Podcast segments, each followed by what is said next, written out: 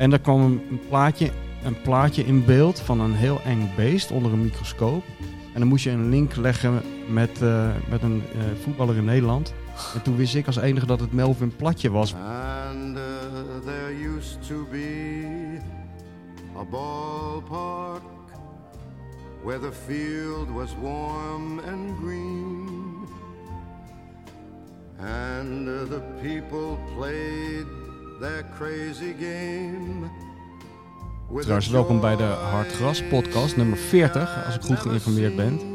Eh, we zitten hier in een wat merkwaardige samenstelling, want eh, alle drie de heertjes van het eh, Hartgras Politbureau, die hebben ons alleen gelaten. Die zijn iets anders aan het doen.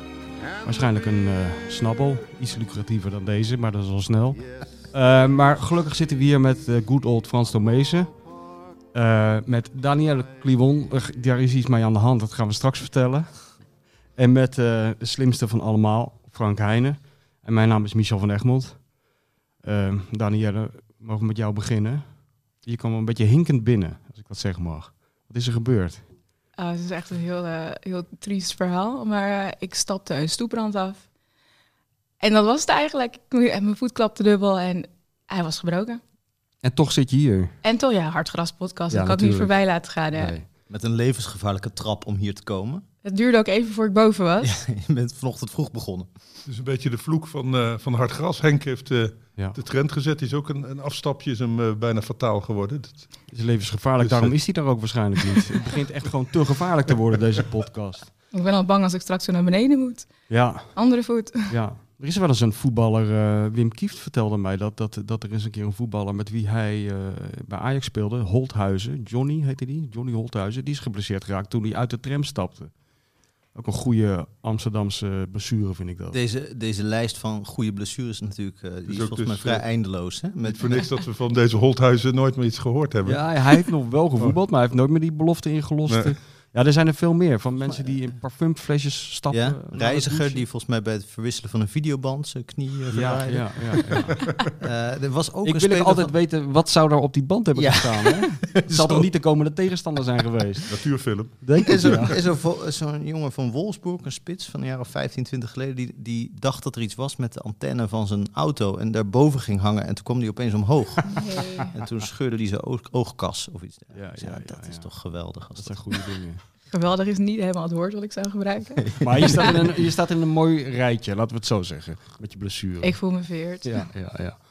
Ehm, ik kreeg eh, eigenlijk nul instructies van de heertjes. Ik, we, moesten het maar uitzoeken met z'n vieren. Het enige wat heel belangrijk was, dat ik moest zeggen dat dit allemaal mede mogelijk wordt gemaakt door de Toto. En dat je 18 jaar en ouder moet zijn om eraan mee te doen. Wat een leuk bedrijf zeg. Ja, Je, je moet dat moet rijmend ook, hè? eigenlijk moet het rijmen, maar daar heb ik even geen zin in. vandaag. Dat het bijna rijmt, is het. Ja. Kunnen eh, aan deze tafel de mensen die de Afrika Cup hebben gekeken hun vinger opsteken? Dan weten we dat. Wie heeft er gekeken? Ben ik in de minderheid? Oh, nee. twee. Nee, oh, ik- Frans. Ik heel kort, kort, maar die toeters die zijn zo verschrikkelijk. hè? Helaas. ja. Dus eh, ik had, het was eh, Ethiopië, Kaapverdië. Het was wel, eh, het ging lang gelijk op. En, eh, hebt de wereldliteratuur uit Frans, begrijp ik. eh nee, ik, ik, ik denk dat ik v- drie minuten heb eh, eh, geluisterd, zou ik maar zeggen. De oor, oorverdovende wedstrijd. En, eh, Heb je wel de rode kaart gezien? oh, was nee, nee. Maar je, je hebt hem uitgezet vanwege het eh ja, getoeter. de- ja.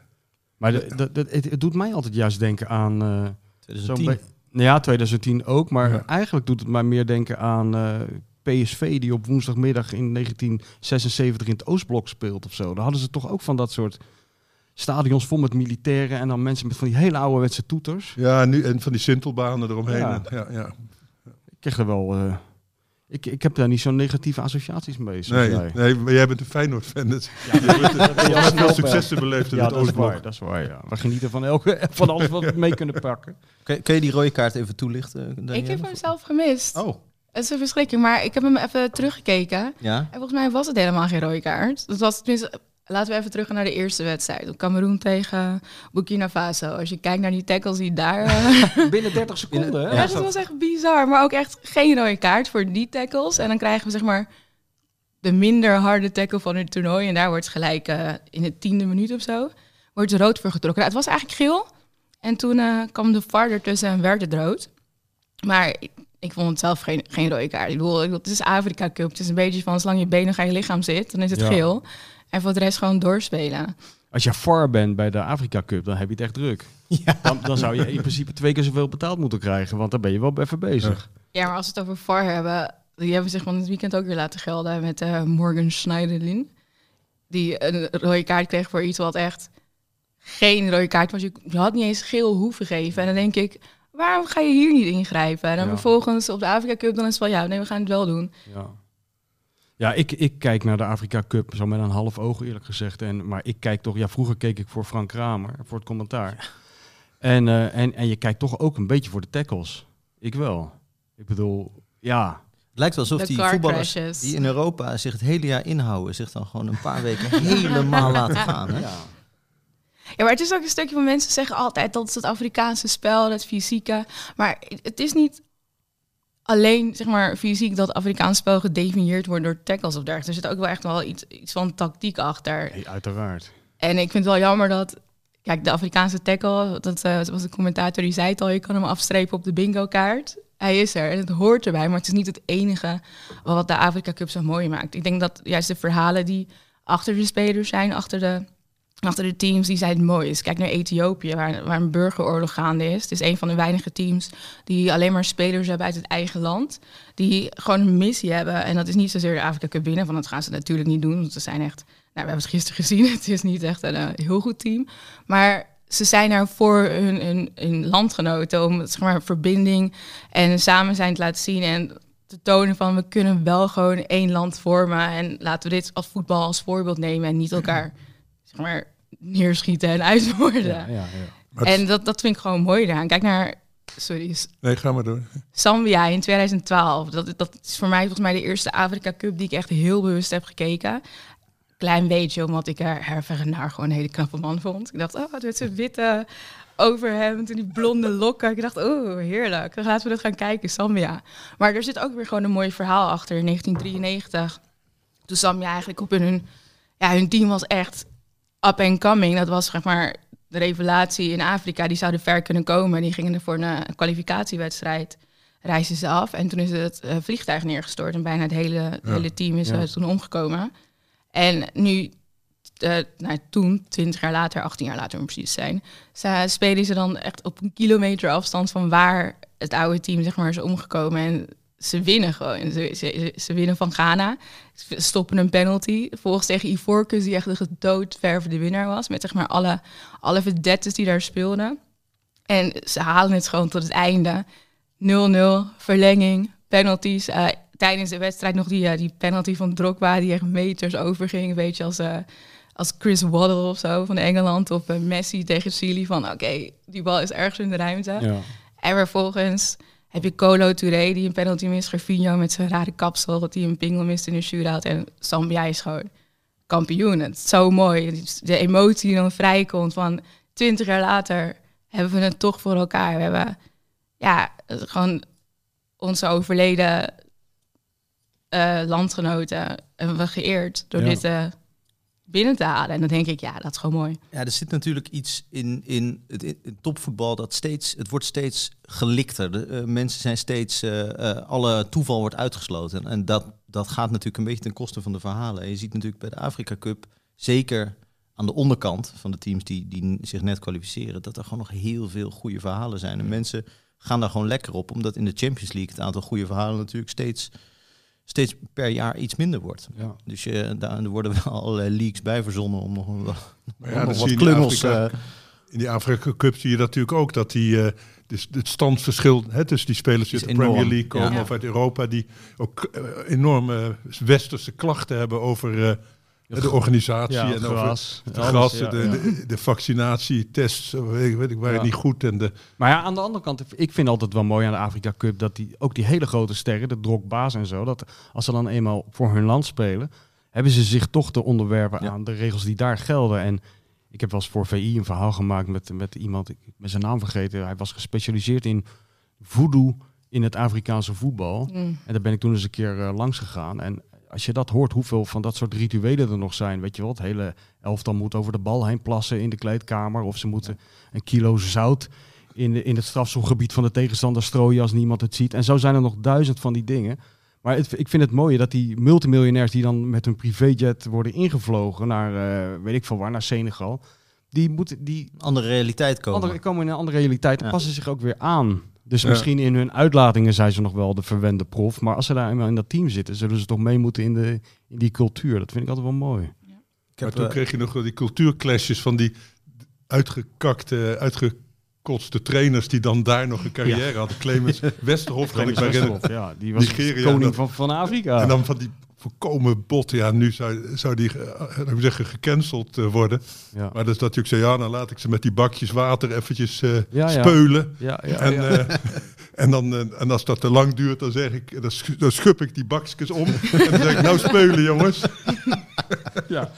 ja. Ik kan me herinneren, ik had een, eh, een, zo'n eindjaar voor Studio Voetbal voorbereid over eh Chu Tang, die bij Roda speelde een aantal jaren. Moet nog worden uitgezonden. En die, eh, die vertelde een paar jaar geleden in een Frans tv-programma dat, dat Eto'o eh, met be- behulp van voodoo zijn concurrent uit het Cameroenese eh, nationale team zou hebben eh, beïnvloed, waardoor hij uiteindelijk in de ploeg was gekomen. Ik geloof de- Joseph Désiré Job of zoiets.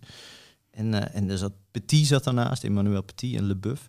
En die keken echt naar Chu Tang. Ja. wat, wat ben je aan het raaskallen? Maar hij, bleef dat, hij blijft dat altijd volhouden. Met ETO moet je volgens mij geen ruzie maken als je in. Cameroen nog iets wil. Nee, nee, maar dat is serieuze business, ja. Ja, maar dat is het voetbal toch eh, vrij algemeen, toch? De bijgeloof. Dus de- de Bijgeloof wel, bijgeloof. Maar ik bedoel, bij ons is bijgeloof eh, Ruud Krol die in het, eh, in het slipje van zijn vrouw moest voetballen, geloof ik. En, en dat soort dingen. Veel, heel veel excentrieke wordt. Ook wel een soort voodoo, toch? Ja, dat is ook wel voodoo. Maar eh, daar, eh, daar gaat het toch wel een stapje verder, Ja, weet je nou, wel. ik las toevallig vandaag in de trein hier naartoe. dat Djokovic, is dan tennis, maar goed. Die, eh, dat hij ook af en toe in een ei gaat zitten. om eh, weer op krachten te. Ja, dat zouden wij eigenlijk ook moeten doen.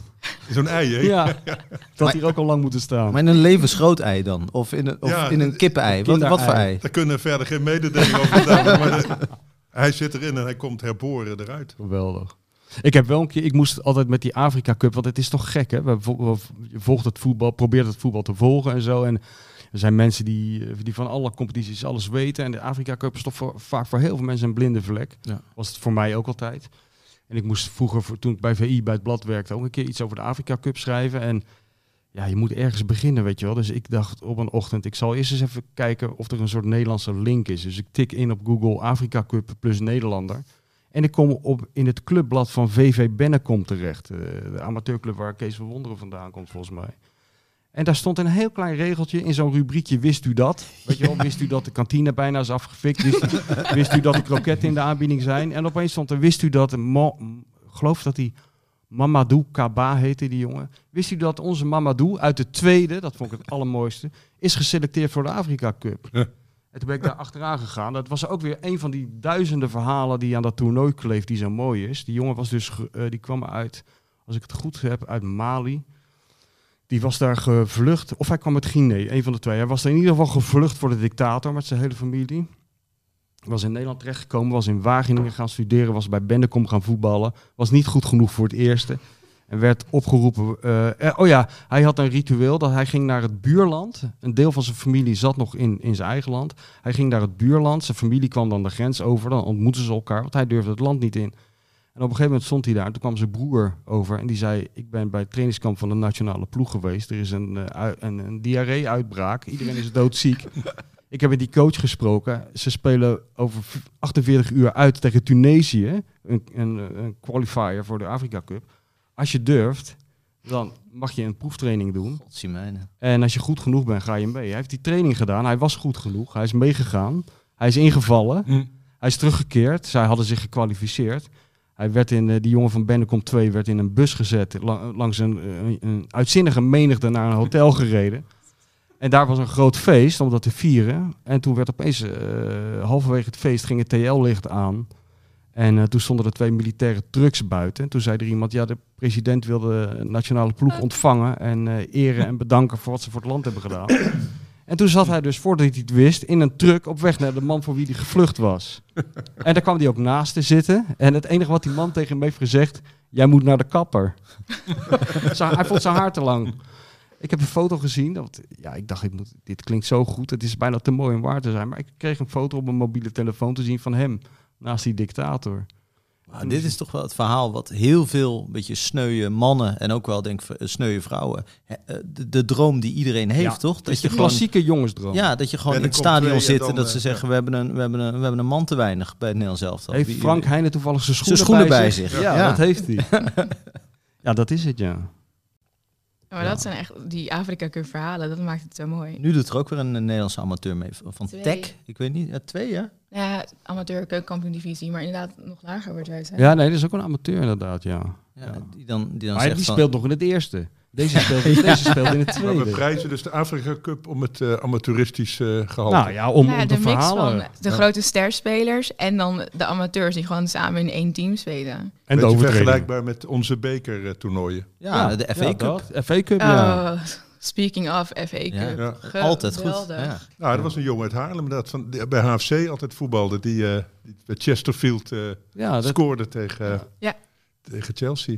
Maar ik denk dat we dan, dan Cambridge en Nottingham, dat zijn wel echt eh, de mooie verhalen Ja. nog wel van de afgelopen weekend. wat was Zeker. Cambridge? Dat heb ik eigenlijk gemist. Tegen Newcastle, of tegen niet? Newcastle. Oh, Ja, tegen ja. de, de Sheik is nog de, de kleedkamer gekomen. Kon, de- kon niet verteld worden wat hij gezegd heeft. Maar ze staan niet bekend om hun empathie, zou ik maar Had hij een zwaard bij zich? Ja, onder die ro- grote rokken, denk ik. Ja. Of hij heeft Cambridge gekocht, gewoon erbij. Ja. Ja, Ja, Cambridge is ook noodlijdend. Newcastle verkocht en Cambridge gekocht. Kan ook, ja. Kan ook. Ja. ze hebben allebei één keer van een Premier League club gewonnen dus. Ja. Pak maar ik zag dat Newcastle nu Trippier heeft gekocht als eerste. Dus ik neem aan dat de Champions League nu eh, voor ze open ligt. Jongen, jongen.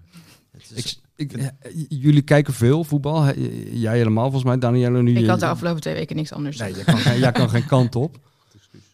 Ik kijk het wat minder, maar ik, ik, ik was aan het zappen en ik zag maar een wereldgoal bij Atletico Madrid. Was dat gisteren? Wat is eergisteren? Die heb ik niet gekeken. Heb je die niet Die gezien? heb ik niet gekeken. Ik kijk puur uit principe. Kijk ik geen Atletico Madrid, want het voelt een beetje als een verraad naar Benzema Real Madrid. Ik ben zo'n emo- ik ben zo'n emotionele voetbalkijker. dat blijkt ja. Weet jij, jij verwacht dat je een standje van Benzema krijgt als hij erachter komt dat jij Atletico op zit te kijken. Ja, ik heb, dus, wel- eh, ik heb wel eens gehad dat ik Atletico keek en dat ik dan zeg maar ook voor Atletico werd. Want ik vind het best wel een leuk team oh, dat heb je ook niet eh, onder controle. Voor wie dat je gaat dan... gewoon vanzelf. Nee. Ja, nee, maar Als er dan... een dan beetje knappe jongen meedoet, dan... ja, eh, ja, iemand in een wit overhemd, dan is het al snel... eh, ja, ja. Dus nee, dat doe ik liever niet hoor. Nee, nee. Maar er waren zoveel wedstrijden de, de afgelopen week. Ja, maar er was niet zo'n goal als ik heb gezien bij Atletico wie? Madrid. Korea heet die geloof Oh, ja. Vanaf de Vanaf de middenlijn. middenlijn, ja, ja. Zo'n goal als uh, Alan Naïm ooit eh, Ja. scoorde. Siemen. Ja. Toen de Sun een dag later schreef... Uh, Naïm lobs Siemen over 40 yards. Toen kwam ik er ook pas achter dat Siemen ook zaad betekent. Oh, Ja, oh, maar ja, dan natuurlijk. Ja, maar dan ja. anders gespeld. Ja. Eh, maar jij kijkt toch altijd Spaans voetbal, Frans? Jij, jij hebt hem ook Ja, ja, Barcelona. Oh, Barcelona. Ik- ik kijkt alleen Luc de Jong eigenlijk. Ja, nou, ik moet Luc zeggen, ik, ik eh, opteer toch voor een eh, shirtje. Ja, Een Luc de Jong Ja? shirt. Ik denk dat dat een soort collectors item... eh Heb je die Willy Carbo-achtige Ja. hakbal gezien? Allemachtig. Dat was goed hoor. hij is helemaal los. Ja, maar dat is de vraag. Zeg maar, is de rest van Barcelona zo slecht of is Luc Ja, de Jong zo ja. goed? Dat Ja. is de eeuwige Hij, hij filosofische komt weer vraag. in een soort PSV-sfeer. Dus hij... eh, Ja, of ze zijn, er, ze zijn er gewoon achter gekomen best wel laat dat je hem best gewoon in de lucht kan aanspelen. In plaats van eh tiki-taka proberen te Ja, doen. want met, het is wel een van de beste Nederlandse koppers. Ja. Dat, dat kan niemand ontkennen. Dus dat Ja. is er best wel voor de hand liggend om een paar keer eh, die bal op zijn op het grote hoofd te leggen. ja. Ja. Maar het was niet genoeg. Ze hebben alsnog eh gelijk Ja. gespeeld. Maar wel, ik bedoel, Zijn ze dit, triomfantelijk? maar dit begint toch ook bijna een soort eh, Afrika Cup-achtig jongensboekenverhaal te worden Ja, met zat Luc de Jong of niet? ja. Want we hebben hem hier toch ook uitgelachen, neem ik aan. Ja, deze ik heb een paar weken geleden hoorde ik Nico Dijkshoorn aan deze tafel zeggen. Daar was ik het eigenlijk wel heel erg mee eens. Dat hij eh, toch zo slecht niet is als hij ook wel wordt voorgesteld. Hij lijkt ook houteriger dan dat hij is. Met name bij Twente was hij toch wel echt een mooie technische speler. Technischer dan zijn broer bijvoorbeeld. Veel, Ja. eh, veel aantrekkelijker om naar te kijken. En bij PSV is het een beetje zo'n domme kopper geworden eigenlijk. Ja. En Ja, dat, eh, dat is, heeft zich doorgezet. Ik denk dat je met Luc de Jong twee kampen hebt. Van zeg maar, de anti-Luc de Jong en anti-PSV mensen die hem veel slechter zeg maar, voorstellen dan hij is. Ja. En dan de mensen die in, in hem een soort van halve gods in God in boarding zien. Bestaan zit- die mensen? Zijn ja? die er ook? Ja, die zijn er ook. Voornamelijk op Twitter te vinden. Maar Oké. en er zit niet zoveel ertussen. Terwijl het is gewoon een hele goede spits. Het is een goede kopper. Hij kan wat bijdragen. Het is een goede invaller voor Barça. Als Barça weer op kracht is, gaat hij natuurlijk niet in de basis staan. Maar voor nu is het echt een prima spits. Het idee van Ajax wilde hem huren of zou moeten halen om het gemis van Haller op te vangen. Goed idee. Maar Ja. Maar moesten daarvan kotsen bijna, van dat idee volgens mij. Terwijl ik, eh, volgens, ik dacht, ja, dat is toch een prima, prima tijdelijke Ja, maar dat, dat is de eerste reactie. Toen Berghuis kwam, had ik ook zoiets van... "Ugh." En daarna ga je gewoon logisch nadenken. En denk je... Ja, daar kan. kunnen wij helemaal met, met onze verstand niet bij hoe die Ajaxide, weet je wel, Brobby, die wordt, die wordt binnengehaald alsof het de pauze is. En eh, Luc de Jong, dat doen ze net alsof hij nog nooit een bal geraakt heeft. Dat is heel vreemd. Ja, maar het, het heeft ook te maken met eh, hoe het eruit ziet. Hè? Dus, Ja, ja, het moet er allemaal mooi uitzien. Maar ik zou gewoon liever eh, iemand hebben die eruit ziet alsof hij een paraplu heeft ingeslikt, zoals Luc de Jong, en gewoon 30 keer die bal erin kopt. Ja, maar daarom ben jij voor Feyenoord. Dus zo Ja, komen ja. dingen toch altijd... eh, Bij Feyenoord heb je iemand die een paraplu heeft ingeslikt en helemaal niet 30 doelpunten maakt. Dat is een heel andere categorie. nou, Robbie is ook geen balletdanser, Nee. toch? Eh, Nee, nou, ik zie hem wel graag, moet ik zeggen. Dus, Ik en, ook. en hij is, eh, ik weet, mijn, mijn oudste zoon, die volgt ook Ajax eh, onder 14 en dergelijke. Die, is- die heeft hem altijd gevolgd. En die was altijd een fan. Dus daarom ken ik hem toevallig, Mhm. à la Henk, al Ja, heel ja. lang. Want dan zei hij, moet je eens kijken wat, wat ze nu hebben rondlopen. En die zat altijd hè, twee jaar boven zijn leeftijd, speelde die al. En dan zag hij er nog ouder uit. Ja, precies. Ja, ja. Nee, dat is toch wel een fenomeen. Dat is wel een soort... En, en, eh, nee, die... eh, die, die Ja, komt- maar het is wel bizar dat Bobby qua hoe groot hij is en zeg maar de, de aanwezigheid die hij heeft op het veld, dat hij zo vaak niet helemaal fit is. Ik denk dat dat voor hem ook het voornaamste is wat een beetje tegenhoudt. Nou ja, maar dat zeggen die Duitse trainers ook. Hè. Hij kan geen 90 minuten volhouden. Maar in Duitsland, als je ziet wat die spitsen moeten doen, die moeten box-to-box, zoals het tegenwoordig modieus heet, eh, rennen. Terwijl bij Ajax mag je gewoon toch een beetje bij de midlijn eh, blijven staan als eh, spits. Dus hij loopt gewoon te veel. En dan is hij niet fit natuurlijk als het erop aankomt. Dus dat Haller die loopt toch ook niet zoveel. Dus, Nee, dat is waar. Die is wel meer gaan lopen. Die is steeds meer gaan ja, lopen. Ten Hag is ook wel een heeft. Duitse eh, invloeden ondergaan natuurlijk. Maar Ja, maar al die trainers, de- eigenlijk de- alle drie de trainers van de topclubs zijn daarmee bezig om hun spelers steeds meer te laten lopen. Arne Slot doet dat ook. Eh Smit die Ja. heeft zijn eigen eh, onbegrijpelijke filosofie, maar het is toch ook de bedoeling dat hij eh, dat hij zich te pletter rennen.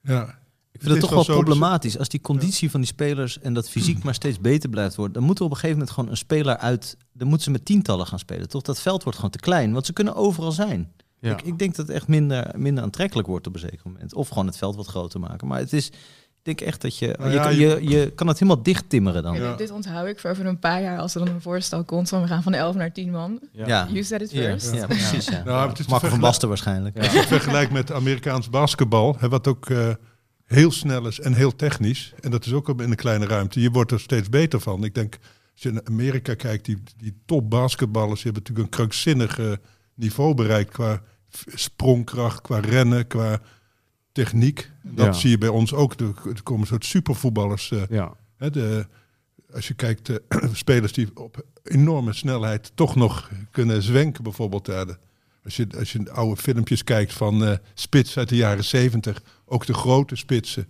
die waren zo, zo traag als eh ja, natuurlijk. stront natuurlijk. Hè. Nee, dat is waar. We gaan het straks nog even verder over Ajax hebben en over hun eh privévlucht die ze hebben gemaakt met al die zieke spelers. Maar ik wilde toch voorstellen, als, omdat ik toch een soort surrogaat Henk ben, om nu even naar het allerbelangrijkste te gaan, namelijk Frank Heijnen bij De Slimste Mens. Vertel eens even, grote vriend, hoe is dat allemaal gegaan? Eh, nou ja, dat is eh, een tijd geleden al. eh, dat mag, mag je geloof ik niet zeggen, maar inmiddels Niemand is het wel duidelijk. Want, want er zit publiek in die, in die opnames en dat mag niet meer. Dus het is een tijdje geleden opgenomen, toen dat nog mocht. En ja, dan, ga je naar Hilversum. Je gaat naar zo'n heel lelijk gebouw. Dan moet je naar de kelder. Dan heb je een kleedkamer. En dan... eh, Met Frank Heijnen op de met deur. Frank, dat, dat kaartje heb ik meegenomen. Ja, dat, wel. hangt nu op mijn Maar hoe werkkamer. kwamen ze bij jou uit? hè? Moest je nog een test ondergaan? Nou, een, eh, ik moest, dat is wel, wel goed. Ja, ik mo- er moest een, eh, er kwam een, eh, een redacteur, die ook eh, trouwe luisteraar is van deze podcast. Die kwam eh, bij mij thuis en eh, toen moest ik een hele, de- die, met een hele stapel papier waarop eigenlijk zo'n hele oude uitzending eh, eh, geprint was. En toen hebben we gewoon eh, Getest. ja, getest of, Echt ik, waar? of, ik, eh, of ik wel enigszins eh, van toeten of blazen eh, wist. Slim genoeg was. Dan Ja, voel je je lullig als je dat niet redt. Ja, ik, Je moet zeggen, ben je wel eens gevraagd voor de slimste mensen? Nee, ik ben afgevallen toen die redacteur bij me thuis was. ja, ja, het was meer denk ik dat je... Er zitten natuurlijk bepaalde tactische, of in ieder geval... Nee, er, niet, er zit niet heel veel tactiek bij verder. Je moet gewoon eh, antwoord geven als je wat gevraagd wordt. Maar eh, je, je, je kan je enorm eh, eh, hoe heet het, afgaan op tactisch, Ja, ja. zeg maar, zo- terwijl je wel veel weet. En dat proberen ze een beetje te ondervangen. Dus ze leggen heel specifiek de, de, de regels en de, de gang van zaken uit. Ja. Maar ik keek het programma regelmatig, dus ik vind, ik vind het eigenlijk wel geinig. Ik word, ik word er heel, heel ontspannen van. En dat, ik, ik, kom niet zo, ik ben niet zo heel vaak met televisie in aanraking geweest, maar mijn ervaring is niet dat het vaak heel ontspannen is. En dat vond ik eigenlijk hierbij wel. Ik vond het heel, heel relaxed. Het ging heel erg eh, gemoedelijk. Dat Ik heb, ik heb wel eens gehoord dat die opnames uren en uren duren. Omdat die Maarten van Rossum niet ophoudt met praten. Nou, ze, Klopt dat nou? hij, hij eh, vertelt een stuk meer dan dat er wordt uitgezonden. Zeg maar, er wordt veel, er wordt gewoon veel uitgeknipt. veel uitgeknipt. en de, het leukste wordt uiteraard... Nou, ik weet nog, ik had iets... eh, ze vroegen opeens aan mij... Frank, je hebt iets tegen honden. Ik wist niet waar ze dat vandaan hadden. Maar eh, ik, ik heb een lichte eh, angst voor loslopende honden. De- Voor, eh, en van, eh, van boven de knie, zeg maar. Ben je eens gebeten dan? Eh, wel een keer bijna, maar nooit, eh, nooit echt. Maar, eh, eh, maar in ieder geval, eh, toen ging ik helemaal uitgebreid uitleggen wat dan, welke nuances ik allemaal had in, in honden en welke honden ik wel, wel eng vond en waarom en niet en weet ik veel wat. En dat het alleen over loslopen ging eigenlijk alleen als ik aan het hardlopen ben. Maar dat was allemaal uitgeknipt, waardoor het een vrij verwarrend Ja, ja. betoog werd van iemand die zei: honden. Ik haat honden. Ah, ja. En iedereen die zich ermee associeert. Nee, het was, het was werd een beetje. Dus er wordt inderdaad veel uitgeknipt. En dat was waarschijnlijk ten faveur van een historische uitweiding van Maarten van Rossum. Ja, Ja, nee, het wordt, er wordt vrij lang eh, ingeknipt. En af en toe gaat er iets technisch fout. En dan zit je opeens een kwartier. Dan weet je de, welke vraag er komt. Maar dan moet je toch een kwartier Oh, ja. eh, wachten. Ja. eh, totdat je je antwoord mag geven. Dat, dat gebeurt niet zo vaak trouwens. En er is één man, dat zie je nu steeds op Twitter. eh zit ik natuurlijk een beetje te kijken of, eh, of mensen, mensen mij eh, leuk of niet leuk vinden. Wat je beslist niet moet doen, want Nee. dat, eh, dat is eh, zeer af te raden. Dat er één man iedere dag in, de, in het publiek zit. En die zit dan altijd of achter Philip uh, Freriks of achter Maarten van Rossum. Die is die, al die uitzendingen blijkbaar al jarenlang. Ja, die is zijn aanslag aan het beraden. ja, dat kan niet anders. Die gaat er voor zijn lol elke dag naar Maarten van Rossum eh, gaan luisteren. Ja. Die man heeft iets kwaads in zin. Ja, en er worden Ik ben het- aan de dood ontsnapt, jongen. We zijn Ja. blij dat we je hier Zo, zien. ja, ja. Nee, maar dat... eh, nee, ik- maar, Nou, en ziet ik, die Van Rossum er wel uit dat hij wat kogels kan opvangen. Hè? Dat, eh, Nou, hij, zie- hij ziet er sowieso uit alsof de kogel weer aan het vest onder die vieze trui draagt. Nou, het goede is wel bij Maarten Verhofstadt, ik had hem nog nooit ontmoet, eh, dat hij gewoon tussen de opname, bij- als, als je dan eh, zit te eten of zo, of eh, even moet wachten, dat gaat gewoon door. Ja, tuurlijk. Dus die, dat verbaast dus, mij nou niks. eh, de, die vraagt iets, gewoon iets, oh, iets praktisch, en er komt een, een monoloog, en, eh, en na de, daarna is er een borrel. En dan Maar ook zo monotoon. Ja, nee, het is niet opeens dat hij met enorm Ja, dat hij, dat hij een paar octaven omhoog gaat of zo. Nee, het is, eh, het is, eh, dat, dat gaat gewoon altijd zo door. Het lijkt me heel apart om, om, eh, om met hem getrouwd te zijn. Dat Geef hij mij gewoon- even de boter en dan krijg je de hele geschiedenis Ja. van de boter. En wat dat in de... Het de botertekort van Noorwegen en geopolitiek- dat ja, soort precies. dingen. Ja, ik ja. heb hem één keer live meegemaakt. Dat was bij uitgeverij eh, Prometheus. Toen was hij als spreker op zo'n nieuwjaarsreceptie, eh, of zomerreceptie is het dan, maar goed, uitgenodigd. Begon hij inderdaad ook te lullen, maar op die recepties ken je het wel. Die mensen vinden het ook leuk om zelf Ja. te blijven praten. Toen bleef ook iedereen gewoon praten. toen vroeg hij of er geluisterd kon worden. Er werd niet op gereageerd. En toen begon het eh, te regenen, ging iedereen naar binnen. En volgens mij is hij buiten toen gewoon doorgegaan. Dat verbaast mij niet. Ja. Ja. Maar het is, het is wel apart, want er zijn natuurlijk veel mensen die, die daarvoor gevraagd worden en sowieso niet willen, omdat, of omdat ze het onzin vinden, wat een prima reden is, of omdat ze bang zijn om af te gaan. ja. Wat eh, denk ik een minder goede reden is, dacht ik altijd, omdat je, je, gaat nooit echt af. En mensen zijn dat na twee dagen weer vergeten. Het is vooral iets van jezelf en een beetje een ego iets. Eh, totdat ik dus zag wat mensen online zetten en ook privé naar mensen sturen die iets doms zeggen. Of die, Ja? iets, die, die in de war zijn even. En Heb je dus privéberichten gekregen? ik niet, want eh, ik ben gestruikeld over baksteen. En als je dan iets doms zegt over baksteen, wat ik deed, dat niet vinden, dat vinden mensen niet zo. eh, dat Niet zo erg. eh, eh, koppelen mensen niet aan je intelligentie, gek genoeg. Maar als je iets zegt over iets cultureels en dus niet, niet weet wie, eh, wie de Beatles zijn, of, of, of bijvoorbeeld Joop Zoetemelk zat in een van mijn, eh, uitzendingen wisten de andere twee, eh, kwamen niet op wie Joop Zoetemelk was. En die jongen zei daarna tegen mij, ik kon niet anders denken dan Wim Suurbier. Wim Suurbier. Zij wist, het is iets met een smaak en een drankje. Maar Het is smaak en een drankje. De sport. Ja, ja, een sport. Hij zei, ik kon gewoon niet verder denken dan Wim Suurbier. Ik denk Maar dat wel een goede wielrenner was geweest trouwens, Wim Suurbier. Ja? Ja, dat denk ik wel, maar dit terzijde. Hij kon hard rennen in Ja, ieder geval. daarom. Ja. Ja, maar het was een- niet... En Het altijd goede tijdrijder, man. Gewoon Goeie rechtdoor. knecht. rechtdoor. Rechtdoor. ja. Hij hield pas op als hij de cornervlag zag. Daarom. Dus een corner, cornervlag bij de finish zetten en dan eh, wint hij elke tijdrit. Maar ja, die mensen krijgen dan echt nare berichten. Dat, ja, eh, maar echt eh, omdat je niet weet wie, wie Joop Zoetemelk is. Ja, nou, dat scheelt niet veel. Was komt één, van mevrouw Zoetemelk ja, natuurlijk. één vrouw die, eh, die voor, mij, voor mij meedeed, die, eh, die dat volgens mij op Instagram had gezet. Echt nare privéberichten. En, maar ook dat je denkt, ja, opeens begrijp ik ook, dat is ook raar, dat voor vrouwen geldt dat meer dan voor mannen. Vind ik ook zo'n bizar fenomeen. Dat gewoon als, als vrouwen heel fanatiek zijn ook, wo- wordt dat ook als heel anders ervaren dan als mannen fanatiek zijn. Dat Ja. vind ik zoiets kwalijks. Dus ja, ik zag niet zoveel risico om mee te doen. Ik vond het vooral leuk. Maar ik kan me opeens heel goed voorstellen dat mensen denken van, eh, laat maar gaan. Afbreukrisico. Nou moet ik zeggen, als tv-kijker, een van de genoegens van tv-kijken is toch eh, kankeren op wat er Ja. op het scherm zich eh, afspeelt. Ja, Dus maar als, je je dat, als dat binnen de huiskamer blijft, heeft Ja. niemand er last van verder. Dat doe jij ook bij de slimste mensen. Van, Jezus lul dat je dat nou niet weet. Zo zit je dan Ja, ik moet zeggen, ik kijk er niet altijd meer naar.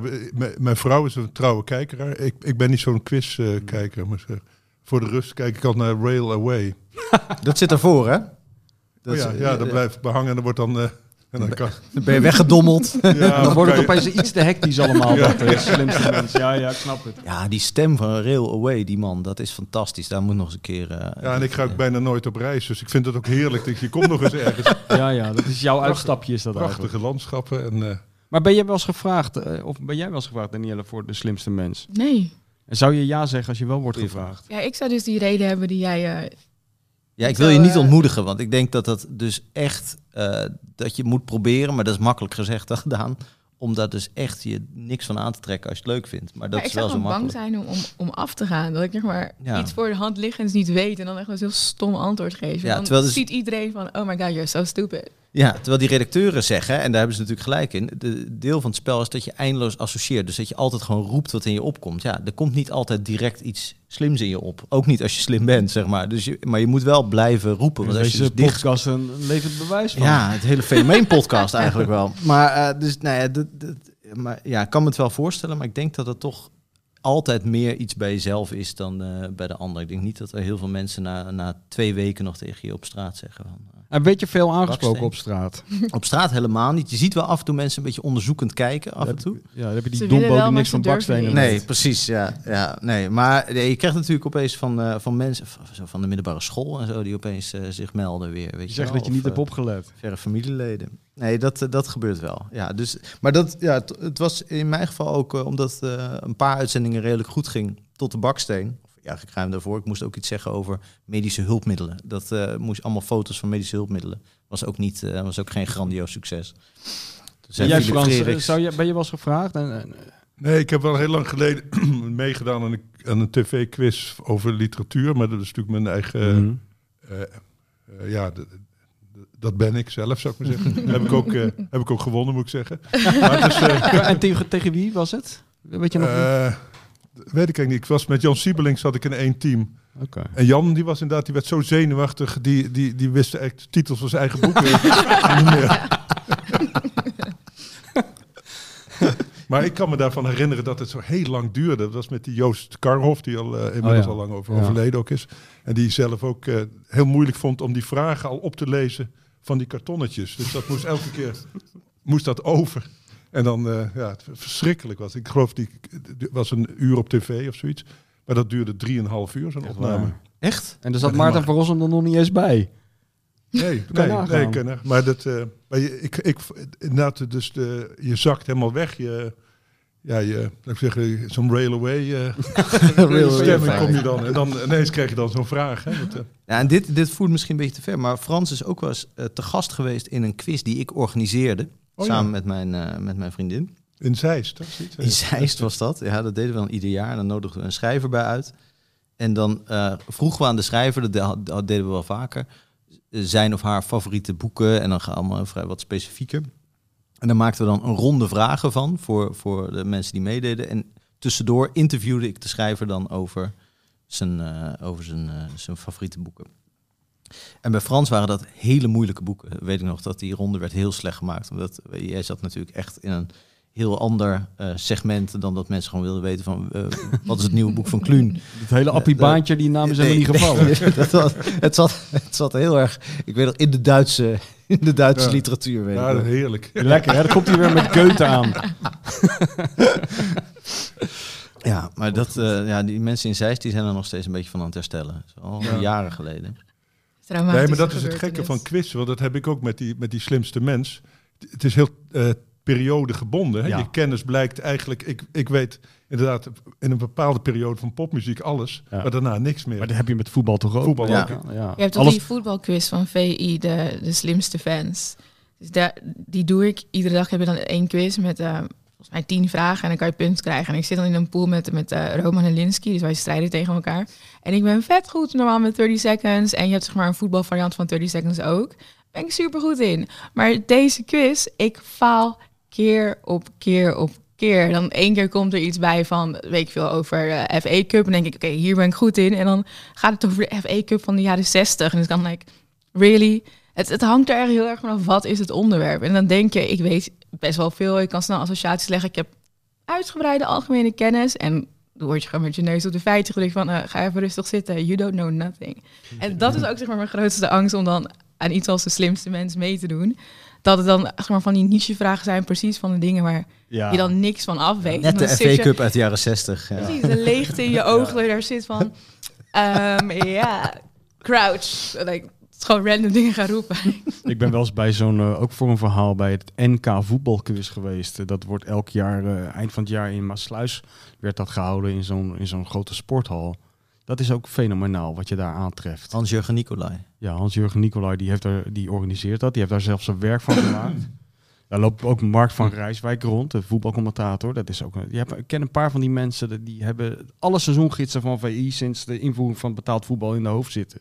Dat is onwaarschijnlijk. Ja. En die verzamelen zich daar dan en dan wordt het dus heel lachwekkend. Op de een of andere manier. Als ze allemaal zo zijn, en je hebt er 200 in een, in, in een, beetje zuurruikende gymzaal, Ja. vlak voor de jaarwisseling, dan moet ik daar altijd enorm om lachen. En ik- ja, ik kon dat ook niet helemaal. Ik heb toen voor het verhaal ook zelf eh, meegedaan. En ik denk dat wij 40 vragen kregen. Ik was er samen met Thijs van Veghel, een collega van VI, die wist godzijdank heel veel. Ik wist twee vragen. Eén, wie was de shirtsponsor van het Engels elftal bij het eh, eh, WK in Spanje? Dat soort dat niveau, dat Ja. wist ik dan. En daar kwam een, een plaatje, een plaatje in beeld van een heel eng beest onder een microscoop. En dan moest je een link leggen met, eh, met een eh, voetballer in Nederland. En toen wist ik als enige dat het Melvin Platje was, waardoor ik ook weer, ook weer een beetje voor lul stond in die sporthal. Dus toen ben ik maar Dat weggegaan. was uh, ervaringskennis. Ja, het was wel waar. ja. Michel Albink is toch de grote eh, ja, dat is geloof ik nu de grote. Vroeger was het Harry Hamer, Ja. eindredacteur van VI. De, bij, toen ik bij VI werkte, weet je wat, heb je al die naslagwerken en zo. Dus als je iets, iets, iets eh, een datum of zo nodig had, normaal gesproken pak je zo'n boek. Maar ik was er al snel achter. Je de- druk gewoon dat nummer van Harry Hamer in en hup, dat kwam er zo uit. Ja. Ja. Maar hebben jullie dat ook, dat je de dingen die je meemaakte in het voetbal, eh, zo tussen je tiende en je vijftiende of zo, dat dat allemaal op die harde schijf staat en dat je dat nooit meer kwijtraakt, die informatie. Ja. En Ja. dat het nu steeds minder makkelijk wordt om het eh, allemaal bij te houden en te onthouden. Eh, zeg, tussen mijn tiende en mijn twintigste is echt een soort van zwart gat hoor. Oh, echt waar? Ik, ik heb dit gezien, ik heb dit meegemaakt, maar... maar nu, eh, eh, ja, nu weet jij heel, heb je heel veel eh parate kennis over Ja, maar dat is de hè? afgelopen tien jaar. Ik, Ja, ja, oké. ik ben dat zeg maar, bewuster gaan meemaken of zo. Aha. Toen, zeg maar, vanaf, laat zeggen, 1997 tot 2008, 2009, die periode, veel voetbal omheen gehad, maar zeg maar met andere mensen. Dus ik heb het minder bewust meegemaakt als wel. Ik ben er meegegaan met mensen om me heen. En vanaf 2008 ben ik het zeg maar zelf Ook bewuster gaan je ervaren. eigen Dus dat- obsessie worden eigenlijk. ja, het was altijd hoe ik bij voetbal, bij voetbal ben beland. Dus zeg maar een beetje ook met familie omheen, mijn vader, mijn broers. Dus het was altijd de obsessie van anderen waar ik in meegesleept werd, die opeens mijn obsessie werd. En Hmm. dat 2008 is echt zo'n keerpunt, omdat ja heel heel treurig allemaal, maar van 2008 heb ik zeg maar geen contact meer met mijn vader. Mhm. En hij was echt mijn voetballink en dat is echt het keerpunt dat voetbal mijn ding werd en niet meer zeg maar van mijn vader. Ja. Dus vanaf toen is het echt zeg maar alles wat daarna is gebeurd zit gewoon in mijn hoofd en alles daarvoor is een beetje troebel water van hmm, Ja, wat ja, was ja. het ook weer? En eh, heb jij dat, Frank? Heb jij een Ja, periode ik die... had, ik had, was er zo'n periode dat ik ook van die boeken, dat- die waren toen al heel oud en muf, van Hans Molenaar. Ja. Dat, eh, de, de- die hadden van die, ook van die naslagwerk, van Ja, die jaarboeken ja, waren ja. dat denk ik. Die kocht ik dan tweedehands bij de slechte. Dan, eh, dan ging ik met mijn ouders naar de slechte, mocht ik iets uitzoeken, kwam ik daarmee terug. Was, mijn ouders zijn allebei enorme lezers, die waren daar wel zwaar teleurgesteld Ja. over. En dat, dat rook ook heel muf. Dat rook, één zo'n boek rook ook naar zo'n hele tweedehands boekhandel eigenlijk. En dat ging ik dan helemaal zitten lezen. Dus eh, van die, van die wedstrijden over Dukla Praag en zo, Ja. die, die clubs bestonden al niet meer. Eh, dat zat ik dan allemaal uit mijn uit mijn hoofd te leren toen ik 12 was. Dat, dat is allemaal blijven hangen. Eh, en, ja, en ook inderdaad de VI seizoengidsen van vi- 94, 95, 95, 96, toen ik jaar of 8, 9, 10 was. Dat weet ik allemaal nog. Ja. Maar wie nu bij NEC eh, eh, achterin staat, heb ik echt geen idee van. Terwijl ik kan het hele NEC-elftal van... Nee, nee, dat klopt ook niet. Visser en Ja. zo, dat weet je wel. Ja, ja. Jij hebt dat Ja, met het- de ik denk- 74 of zo? Die... Ja, ik, bij mij, in, toen ik, zeg maar zeggen, tien was, toen was voetbal nauwelijks op tv eigenlijk. Dus eh, Je was wel al tv toen jij tien was. nou, wij hadden best laat tv, ja. Dus ik was in 68, ja, hadden we wel tv. Maar mijn ouders hielden helemaal niet van, eh, van, van voetbal, überhaupt niet van sport, geloof ik. Maar mijn vader had gecricket, dus kan je Mhm. nagaan. Maar dus ik, eh, ik was gek op voetbal, maar ik, ik las er inderdaad over. Ik ken het van, eh, van langs de lijn en van, eh, en van de krant. Ik was een, eh, eh, statistiek was voor mij eigenlijk bepalend. Ik, Oh, kon, ja. ik kon hele eh, ranglijsten uit mijn hoofd, eh, opstellingen. Weet je wel, ik, ik er zat bij mij in de klas en er lag gewoon een jongen die kon alle opstellingen van de Eredivisie uit zijn hoofd. en dat was dan wel een. eh, en ik kon ja wel van Ajax en Feyenoord en. eh, Goed ja. is dat, hè? Ja, Ja, ja. Mar- Marcel van Roosmalen heeft dat eh, beetje vergelijkbaar eh, met jou. Die was altijd geobsedeerd door toeschouwersaantallen als kind dan. Oh, ja. dan de VI. Dat vind ik zo eigenlijk ook zo ontzettend goed. De VI viel dan eh, op de mat. En het eerste wat hij deed was kijken hoeveel toeschouwers bij Haarlem SVV waren. Ja. Denk je toch als ouders, we moeten wel blijven opletten. Niet goed, denk je dat is niet goed. Maar dat vond ik ook met wielrennen. Wielrennen vond ik ook eh, bij de Tour de France bijvoorbeeld. Dat De bestond, statistieken. bestond voor mij alleen maar uit statistiek en Theo Komen dan. Maar, Ja, ja. en, maar die bleek achteraf alles uit zijn duim te zijn. Alles behalve statistiek. Ja, het tegenovergestelde van statistiek was dat. Ja. Oh, ik had het juist, ik had het helemaal niet met. Ik had het juist al heel vroeg meer met de verhalen eromheen. De, de, de, de gekke verhalen en zo. Ik ben ook wel heel erg aangestoken door diezelfde Hans Molenaar als jij. Maar door, Dat was ook veel cijfertjes, hè? nee, ik, hij, had, hij heeft een ander boekje gemaakt. Ja, daar stonden hele, hele seizoenen stonden ja, dan ja, ik, uitge, ik ken die boeken wel. Heb ik ook, ja, diezelfde Muffen de Slechte hebben Ja. die dingen ook gehad. eh. Maar hij had ook een ander boekje dat heette De Wondere Wereld van het Topvoetbal. Daar stonden juist alle gekke verhalen in. En dat heeft mij, eh, ben ik pas eigenlijk achteraf achtergekomen, eh, enorm beïnvloed. Ja, maar dat deed ik ook. Ik las ook bijvoorbeeld eh Eusebio, de zwarte parel uit Mozambique. Ja, ja. En, eh, dat soort... eh, Die, die heroïsche ja, en, verhalen. en eh, van Pele over zijn opkomst bij Santos en dat hij op zijn blote voeten Een sinaasappeltje En- hoog Ja, ja. ja, ja, ja, ja. Nee, dat eh, heerlijk. toch? Ja. Ja, ja ik heb een van, een van die verhalen later nog wel eens. Die, een van die verhalen die toen als kind las, is mij altijd bijgebleven. Die ging over, over Garincha en zijn kinderen. Ja. Al die kinderen die hij had. En daar- ik heb toen als, als tienjarige of zo gelezen dat in een heel klein stukje, een onderschrift eigenlijk in dat molenaarboek stond dat Garincha negen kinderen had, maar dat hij nog een tiende kind had verwekt in Zweden. En dat is mij altijd bij. In de bossen daar, hè? Toen de, waar niemand die, dat WK wat nooit iemand gezien heeft, hè? 58. Ja. Nee, hij heeft een jaar later. Na, oh. Toen hij terug met zijn club in Zweden was, heeft hij daar een kind verwekt. En eh, ik ben dus 30 jaar later heb ik die man opgezocht. De verloren zoon van Garincha, die bleek een worstenverkoper te zijn in Halmstad in Zweden. Daar heb ik daar een hele week eh, worsten staan bakken met die man. Ja. Maar het komt eigenlijk door die molenaar. Goed, wie, wie was Hans Molenaar eigenlijk? Heb je Ik dat? weet gewoon een journalist, denk Ja, ik. Ja. Maar dat is verder helemaal geen... Hij was niet eh, van die AZ-familie. Die, eh, Volgens mij had hij Nee. daar niks mee te maken. Nee, nee.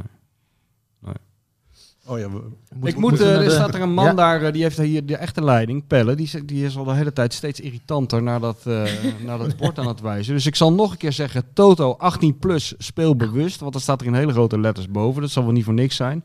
En dan mogen we de, de uitslag gaan voorspellen. Want de Galact Galacticos die gaan op bezoek bij FC Utrecht. dus, ehm nou Danielle, jij hebt er het meest verstand van. Die Ja. indruk heb ik gewoon. Dus jij mag Emotie, ja. Ik ben bang voor Utrecht. Oh, je bent bang voor Utrecht. Ja, Utrecht en Ajax is een slechte combinatie, Ja, man. Echt een slechte ja. combinatie. De wedstrijd van het jaar voor Utrecht dit, hè? En Utrecht stijgt ook altijd boven zichzelf uit als ze tegen Ajax spelen. Het is echt bizar. Ja, ja. En wij missen natuurlijk... Haller. Je hebt je nu ingedekt. Wat wordt het? Nou ja, ik, weet, ik, ik zit een beetje ook aan de Franse kant. Ik, ben, ik, heb- ik vind Rob Robbie vind ik echt een leuke, leuk spelertje. Dus Robbie scoort, maar ik denk dat we gelijk spelen. 2-2. Gelijk. 2-2. Oké, Frans. Eh, ik denk dat Ajax eh, wint. Ik denk ook wel vrij eh, eenvoudig. En dat heeft er ook mee te maken dat Utrecht enorm slecht speelt eh, de laatste tijd. Dus het eh, echt waardeloos eigenlijk. En, eh, en ze spelen zonder publiek. Dus ik denk eh, dat Ajax dat gewoon eenvoudig gaat winnen. En Mag dat, ik even kijken hoe het gaat met onze coronabesmettingen? Ja, maar daar hebben ze iedereen last van. En denk, dat, dat heeft, hebben die topclubs natuurlijk relatief het minste last van. Omdat die mensen gauw eh, eh, zonder vervanging komen te zitten. Hè. Ik denk dat Utrecht er meer last van heeft als, die, eh, als daar corona uitbreekt. Maar goed, dat... nee, dus dat... en ik denk dat Anthony scoort. Want die heeft zo op zijn flikker gehad van... Den Haag, die gaat nu weer, gaat nu weer voetballen. Frank, wat denk jij? Ik denk eh, dat het wordt. Het is altijd spectaculair, volgens mij, Utrecht Ajax. Ik denk 3-3.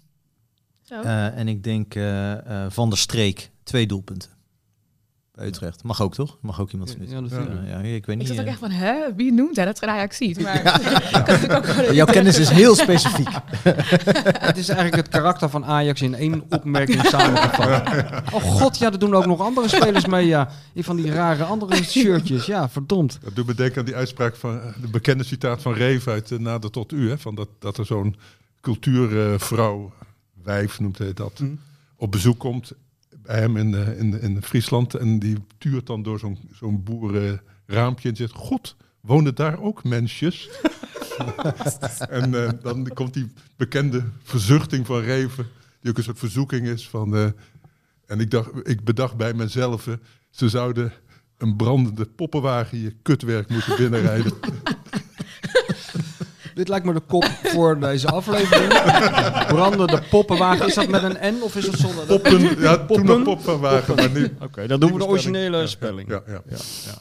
En jij, Michel? Ik zeg dat het eh 1-2 voor de Galacticus wordt. En dat Brobby, dat kan bijna niet anders. Want we hebben zoveel van Brobby gehoord. Het kan niet anders dan dat hij scoort. Als hij speelt. Als hij speelt. Ja. Wat vonden jullie ervan? ehm, dat de Ajax eh, de, de mazen van de wet opzocht en een privévliegtuig huurde om eh, de coronapatiënten naar eh, Nederland te vervoeren. Het is niet eens de mazen van de wet, toch? Het is gewoon Het is tegen gewoon de illegaal. regels. like, het mag niet. Ik snap ook niet waarom ze dachten dat het zou kunnen. Ik bedoel, iedereen kent de regels. Als je test positief, je gaat in quarantaine. Punt. Ja, Hoezo? ik denk niet dat ze dat dachten. Ze, ze hebben ja, gewoon... hun eh, officiële verklaring is toch wel... ah. Ja, we dachten dat als het een privévliegtuig is... dus geïsoleerd in een eigen vliegtuig... dan kan het wel. Het slaat Nou, volgens mij- wet overtreden en nog jokken ook. Dat is eigenlijk dubbel zo erg. Eigenlijk moeten, moeten ze gewoon opgejaagd worden... door de Portugese politie. Zoals met die Nederlandse toeristen in Spanje. Nee, dat, wil ik absoluut niet? Die mag het land inderdaad weer in. Nee, ik vond het heel onverstandig van Ajax. Zeker omdat ze inderdaad altijd zo eh, als modelclub eh, eh, poseren. Ja, vooral poseren, want de modelclub... ik vind altijd wel opvallend bij Ajax als er echt dit soort dingen spelen. Trainingskampje in Qatar of dit soort morele... dan vind ik altijd wel, wel meevallen met die modelclub. Ja. Eerlijk gezegd. Nee, maar goed, uiteindelijk... Kijk, je moet sowieso bij clubs onderscheid maken tussen de commerciële onderneming en, en de jongens op het veld. Dus als- ik had het laatst ook met Marcel hier. De, ja, dat Vitesse is natuurlijk ook eh, rotzooi. Maar je bent natuurlijk geen fan van, van het bestuur. Of van, Nee. eh, je bent een fan van die, van die spelers of van de, van de voetbalcultuur. Dus ik ga helemaal niet eh, Ajax... eh, Hoewel ik bij Ajax wel. Nee, wel het idee heb dat in toenemende mate mensen ook fan zijn van Overmars. Dat, gewoon, dat de Ajax-fans echt liefhebber zijn van hoe Overmars, hoe handig die verkoopt. Dat dat opeens een soort extra aantrekkingskracht aan. Ja, maar het komt ook door Ten Hag. Hè? Die zegt ook, hij mag van mij naast me op de bank komen zitten. Had hij gezegd. Dat wil Hmm. Overmars niet. maar eh, dus hij heeft... eh Dan moeten ze het wel goed verdelen, dat gewicht. Ja. denk het ook wel, hè? Ja. Ja. Maar het social media team van Ajax speelde daar ook gewoon heel goed op in. Op die, die Ja. liefde van de fans voor. Overmars. Door die filmpjes. En iedere keer weer dat kopje koffie naar boven brengen. Of de telefoon. Is dat een telefoon in je zak? Of ben je blij met zien? Dat soort dingen. Het kan Ja. like, dat wordt ook gehyped. En daar gaan de fans ook gewoon in mee. Terwijl Van de Sar is dan dus de, de bad copper. Want die wordt Ja. de hele tijd met die stomme filmpjes op die telefoontje. Wordt die, hè, zet hij zichzelf verschut en vervolgens wordt hij door iedereen afgemaakt. ja. Dus dat is ook misschien eh, handig verdeeld. Want hè, bij, bij PSV heb je alleen die eh, Toon Gerbrands die er eh, ja, Ja. Steeds minder van bakt eigenlijk. Het enige kop van Jut daar Ja. zit. Ja, dat is waar. Ik weet, Ajax, wanneer was dat? Dat ze tegen Lille een keer moesten en dat ze toen met de trein gingen? Was, Ja. dat, eh, was dat eh, tegen Ja. Lille? En dat dat toen een heel punt werd van oh, we gaan klimaatneutraal. Gaan we, gaan- gingen ook een keer niet met het vliegtuig, Ja. weet je wel? En, dan, en een week Ja, later Die principiële voetbalclubs, daar eh, moet je altijd heel erg voor moet ik oppassen. altijd ontzettend om Ja. lachen, ja. Vroeger bij Feyenoord, eh, eh, bij alle clubs trouwens, eh, zeg maar eh, 15 jaar geleden, als je dan naar een Europa Cup wedstrijd ging, dan eh, reisde je mee in hetzelfde vliegtuig en je zat in hetzelfde hotel. En als je een beetje goede band had met die trainer, kon je ook nog wel regelen dat je met de spelers weer eens mee kon bewijzen van bij, bij, bij oefenwedstrijdjes. Dat is allemaal eh, teruggedraaid. Ja, daar heb jij nog dat eh, inmiddels al legendarische anekdote verteld dat jij in een trainingspak Ja, eh, precies, ja. ja, als ja. Eh, laatste speler van de selectie was toegevoegd. Klopt, ja, ik dacht van als, Clem, als Clemens Zwijnenberg zo'n trainingspak aan kan trekken, met Ja. dat lijf kan ik het ook. Maar dat viel toch tegen. Maar ehm, eh, wat wou ik daar nou over zeggen? Dat weet ik eigenlijk niet meer. Dat je met, vroeger kon je met die spelers... eh, Ja, Dus ja, oh ja, dat principiële van die voetbalclubs. En eh, nou, op een gegeven moment, eh, ik snapte het ook wel, want het, het aantal journalisten werd zo groot, ook door al die websites die meegaan en zo, dat het, eh, dat het niet meer lukte. En eh, dus ja, we mochten niet meer, het pers mocht niet meer met de, met de, met de spelers mee. Tenzij er een charter was gere- geregeld, vooral bij Feyenoord was dat, en er toch weer iets te weinig geld op de bankrekening stond. Dan mochten de journalisten opeens wel mee, want dan betaalden we mee aan de kosten van het vliegtuig. Dus dan, ik moet altijd een beetje lachen als die voetbalclubs principieel gaan doen. Ik moest toen ook wel lachen toen ze met de trein naar Lille gingen, inderdaad. Waarom, waarom gingen ze eigenlijk op trainingskamp? Want dit zag je toch van, dat geldt trouwens voor PSV ook. Die, Dat eh, zag je mijlenver aankomen. ja, inderdaad. dit zag je zo van zo ik denk dat dat nog echt zoiets is van... eh, Dat doen we altijd zo. Ja, dat doen we altijd zo. Ja. dus aan de ene kant is het allemaal heel erg eh, eh, eh, in ontwikkeling, de begeleiding van die spelers en zo. Aan de andere kant is die voetbalwereld natuurlijk ook super ouderwets en Ja. conservatief. En het, het slaat, het slaat helemaal... Kijk, als je dat nou doet als hier 20 centimeter sneeuw ligt, dan snap ik het nog Ja. wel dat je ergens anders wil gaan trainen. Maar dit slaat toch helemaal nergens op. Ja. Nou, ik denk ook als je het ziet, ook mensen gaan toch ook op vakantie allemaal. Ik denk dat niemand het heel erg serieus meer neemt, die hele probleem. En ik denk dat dat ook in het achterhoofd zit. We moeten het doen omdat eh, de regels er zijn, maar voor onszelf eh, zien we het als eh, Nou ja, totaal Ja, de irrelevant. bereidheid is gewoon weg. En als je ziet dat, inderdaad wat jij zegt, iedereen gaat lekker vakantie, we gaan skiën in Oostenrijk. Er zijn wel veel besmettingen, maar de ziekenhuisbezetting neemt af. Dan denk je heel snel van, oh, maar ik kan wel even dit doen. Dat maakt niet zo heel veel uit. Alleen iedereen denkt, ik kan wel even dit Ja. doen. En dan vervolgens krijg je deze situaties. Ja, er is er ook nog, natuurlijk nog een verschil tussen een individu dat zich eh, een beetje blameert of dat, dat de regels buigt, of zo'n club dat toch die, die, die Nou ergens voor maar staat achter natuurlijk. die individuen staan allemaal reisorganisaties. Dus het is natuurlijk sowieso is er natuurlijk iets raars aan de hand dat toegestaan is om met hele hordes op wintersport te gaan en dan weet ik naar eh, de zon achterna, wat, eh, wat onzin. En terwijl je ook Railway kunt kijken. Ja, natuurlijk.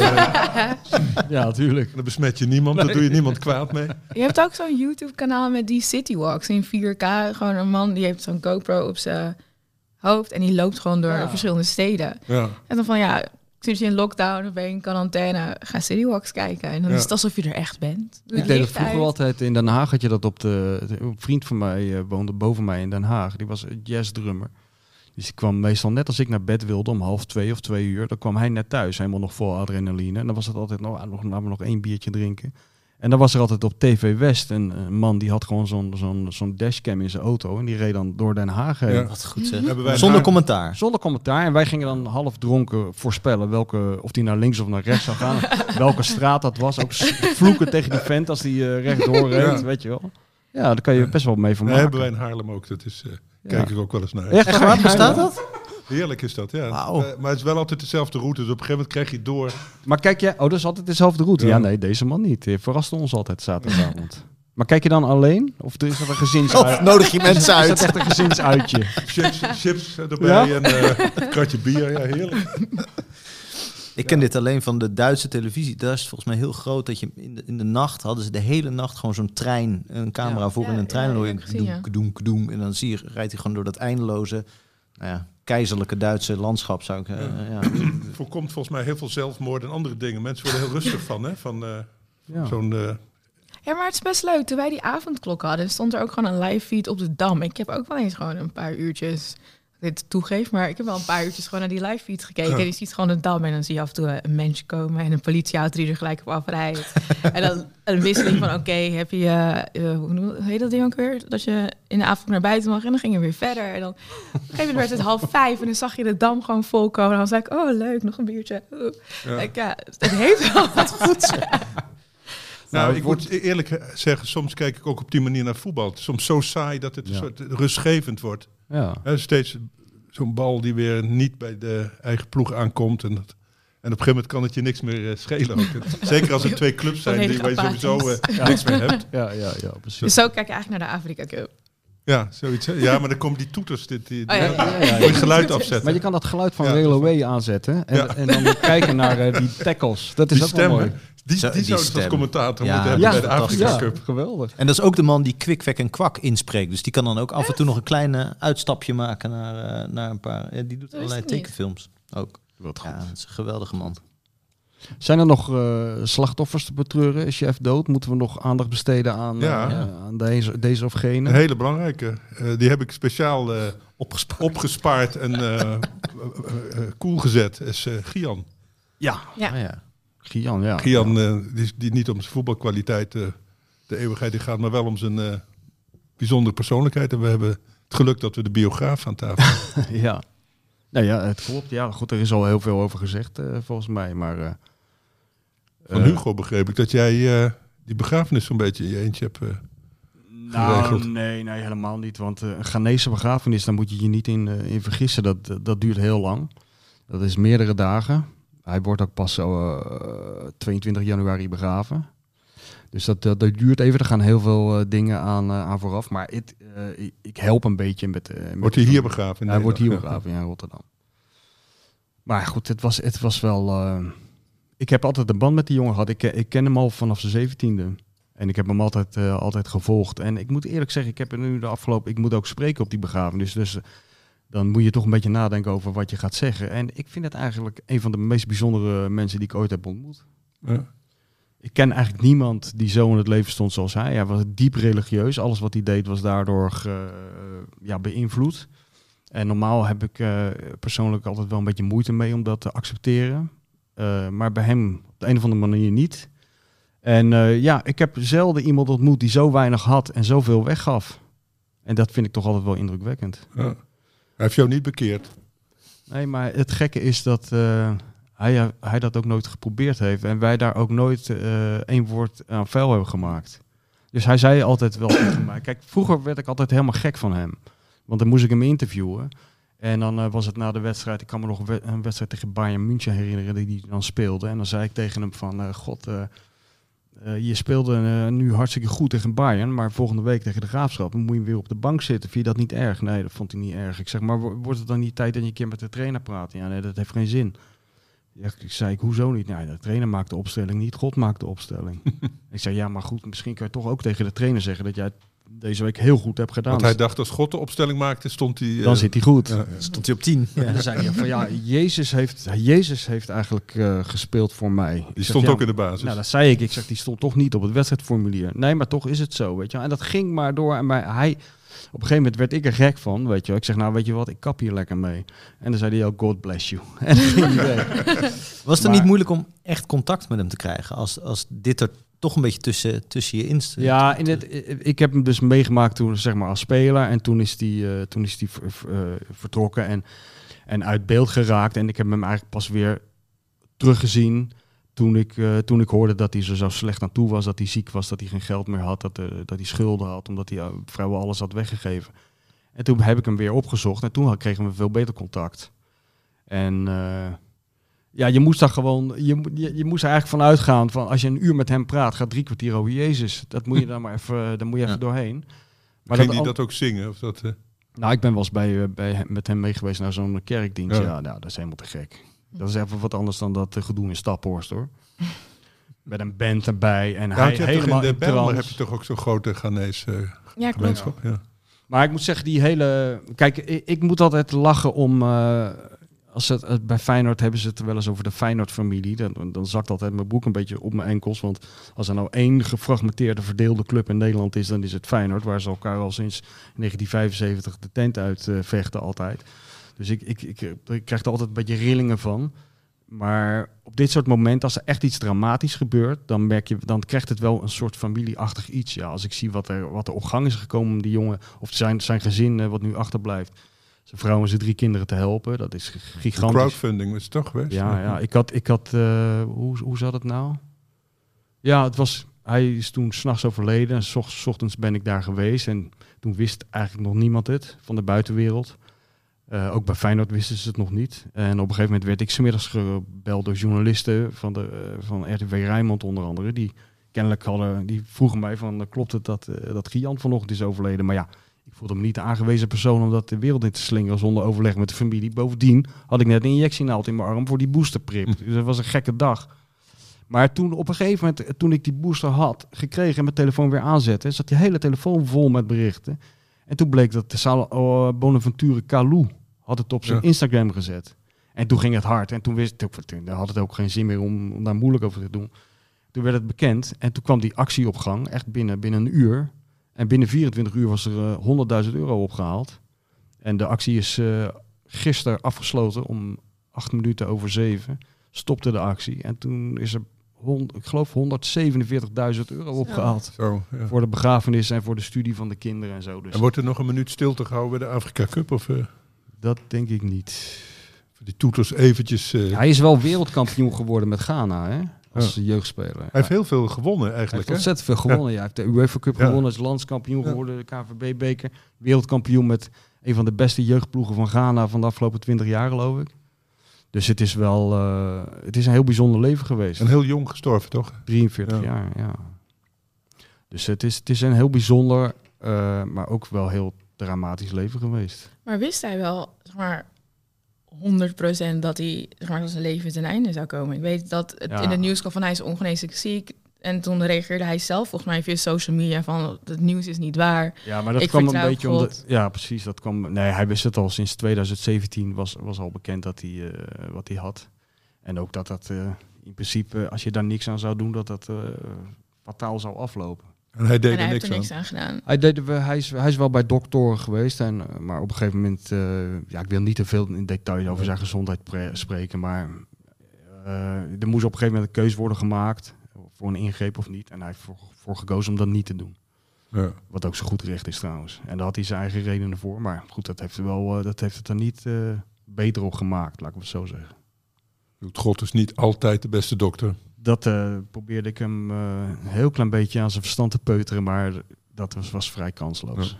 Ja. Zou er nog een soort eh Gian... eh, zou dat nu nog kunnen bij Feyenoord? Eh, dus dus zo- zo'n jongen die dan samen met Aloté eh uit Ghana komt...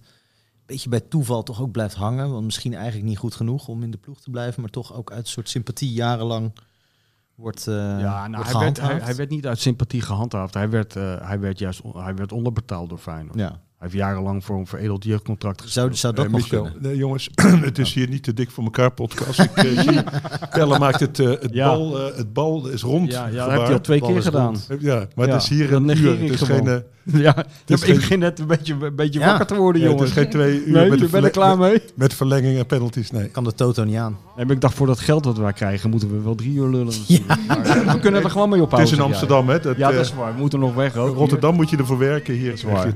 Zullen we afsluiten met eh, dat, we, dat ik namens onze drie, eh, Danielle, heel veel beterschap eh, wens met haar voetblessure. Dank je, dank je. En dat wordt gewoon nog even een paar weken Railway kijken, heel rustig. Maar dan, eh. Afrika Cup kijken. Afrika Cup en Railway, dan kom je er verder wel uit. Dus eh, ik wil jullie bedanken jongens en vooral eh, de luisteraars. Jij ook bedankt. Graag gedaan. Yes, there used to be a ballpark